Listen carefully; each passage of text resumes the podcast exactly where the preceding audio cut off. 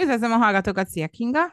Sziasztok, szia Timi! Ma a gyógyszerszedés erről fogunk beszélgetni, hogyha valakinek pszichés zavara van. Milyen pszichés zavarok azok, ahol muszáj gyógyszert szedni, illetve miért is fontos erről beszélni? Az én tapasztalatom, hát én Angliába élek, itt az antidepresszánst azt majd, hogy nem úgy írják föl, mint a cukorkát, tehát hogy elég gyakori, és nem mhm. vagyok benne biztos, hogy körültekintő is.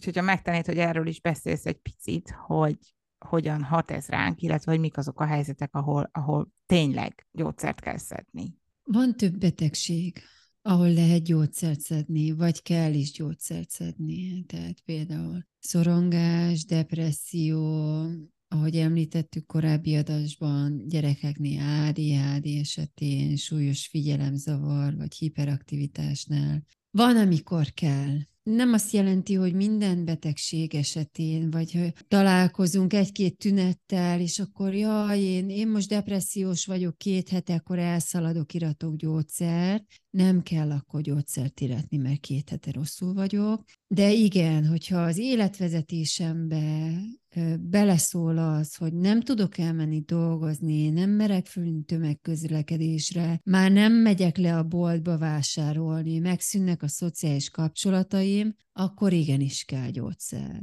Mert hogy a szakemberhez se fogok eljutni. Tehát, hogy nagyon sokan olyan szintre eljutnak már, hogy nem, nem lépnek ki a házukból, és úgy élik az életük lévő részét. Hogyan működnek ezek a gyógyszerek? Tehát, hogy itt kémiai folyamatok az agyban, amiről beszélgetünk? Ez igazából egy ilyen kémiai beavatkozás. Vannak gyógyszerek, amik kiürülnek, ahogy mondtam az ADHD-nál, beveszi, és az kiürül pár órán belül, de vannak olyan gyógyszerek, aminek hosszabb idő kell, hogy elkezdjen hatni, és hogy megvan, hogy meddig kell azt szedni. Ugye sokan úgy vannak vele, jó, fölírja az orvos, hogy bekerült klinikára, szedi, kimarad, á, már jól vagyok, nem kell, leteszi, és utána visszaesik az állapota. Tehát, hogyha azt mondja a pszichiáter, hogy ezt fél évig minimum szedni kell, akkor mindenkinek azt tanácsolom, az fél évig szedje. És lehet, hogy jobban van, akkor is szedje mert hogy akkor nem fogja azt a hatást elérni. Hmm.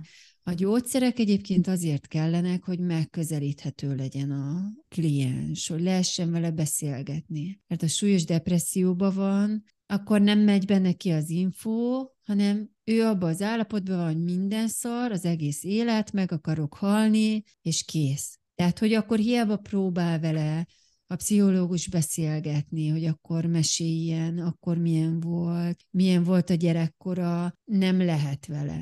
Mert ő csak azzal foglalkozik, hogy most nem jó, és nem akar élni. Ha beszedi a gyógyszert, az jobb szintre emeli, már bejegy az info, hogy ja, kérdeztek tőlem valamit, válaszolok rá, elkezdek gondolkodni, hogy lehet, hogy ennek hatása van abban, hogy én rosszul érzem magam, és el tud jönni el tud kezdeni kijönni abból a rossz állapotból. És ami a legnagyobb probléma szokott lenni, hogy a szülők félnek, amikor a gyereküknek írnak föl gyógyszert, serdülőknek, kicsiknek, ugye akkor azonnal nézik, hogy van-e valami mellékhatás. Felnőttek Igen. szívesebben bekapkodják a tablettát, hogy jó, én ettől jól leszek, a kamaszok esetén meg a szülő annyira nem akarja, hogy a gyerek egy gyógyszert szedjen, hogy akkor azonnal nézi, hogy Aha, fáradék. Hát mert, mert így benne van ilyen is, hogy nehogy függő legyen.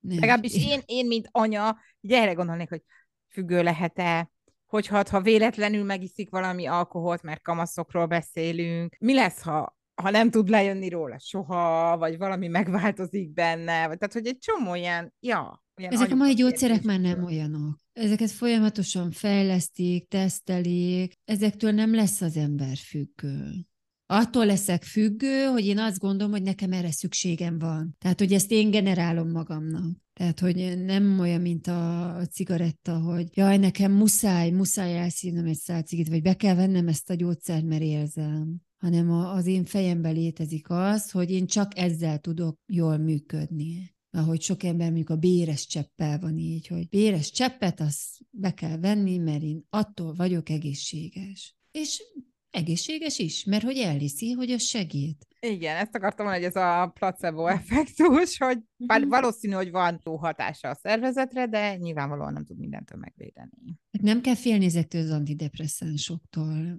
nem kell azonnal gyógyszert iratni, mert megvan minden betegségnek, hogy mióta kell, hogy fennálljanak azok a tünetek. Most tényleg már egy fél éve annyira rossz állapotban vagyok, hogy minden reggel sírva indulok el az iskolába, a munkahelyre, nem tudok teljesíteni, és hogyha ez van már fél éve, akkor igen, föl kell keresni egy szakembert, hogy tényleg nem működik, valami nincs rendben. Mit tett olyankor a szülő, ha a kamaszán látja ezt, hogy már fél év, viszont a kamasz majd nem akar elmenni? Addig kell beszélni vele, amíg elmegy. Muszáj, hogy a kamasz akarja. Mert a szülő elviheti szakemberhez, de ha nem beszél a kamasz, akkor nem lehet vele dolgozni. Tehát a kamaszok alapból nem kezdenek el csak úgy csacsogni egy felnőtt emberrel. Tehát Meg nem egy többség... pszichológussal így elképzelve. Pláne ugye vagyok, ugye jön ez rögtön, hogy valami nincs rendben velem. Igen. Tehát, ha egy kamasz még hajlandóságot sem mutat, hogy beszélgessen egy pszichológussal, akkor a pszichológus azt fogja mondani, hogy majd jöjjenek vissza, ha a kamasz szeretne. Nem tudsz vele mit kezdeni. Mert ugye a kisebb gyerekeknél, az óvodás kisiskolásoknál ott játékszinten működik. Ugye játszunk, és akkor közbe beszélgetünk, meg ugye amit mond, ahogy játszik, ami témákat behoz, azzal én tudok dolgozni. Tehát, hogy neki nem kell leülni és beszélgetni, de hát egy kamasszal már nem tudsz, nem kezd el katonázni, meg nem tudom, mit Hát ö, igen. Úgyhogy ö, addig kell a szülőnek puhítania, amíg azt mondja, hogy jó, lehet igazad van anyám vagy apám. Vagy mondjuk van olyan kamaszom, ahol nem a szülő hatott igazán, hanem a haver. Mert például ő is jár esetleg, vagy... Uh-huh.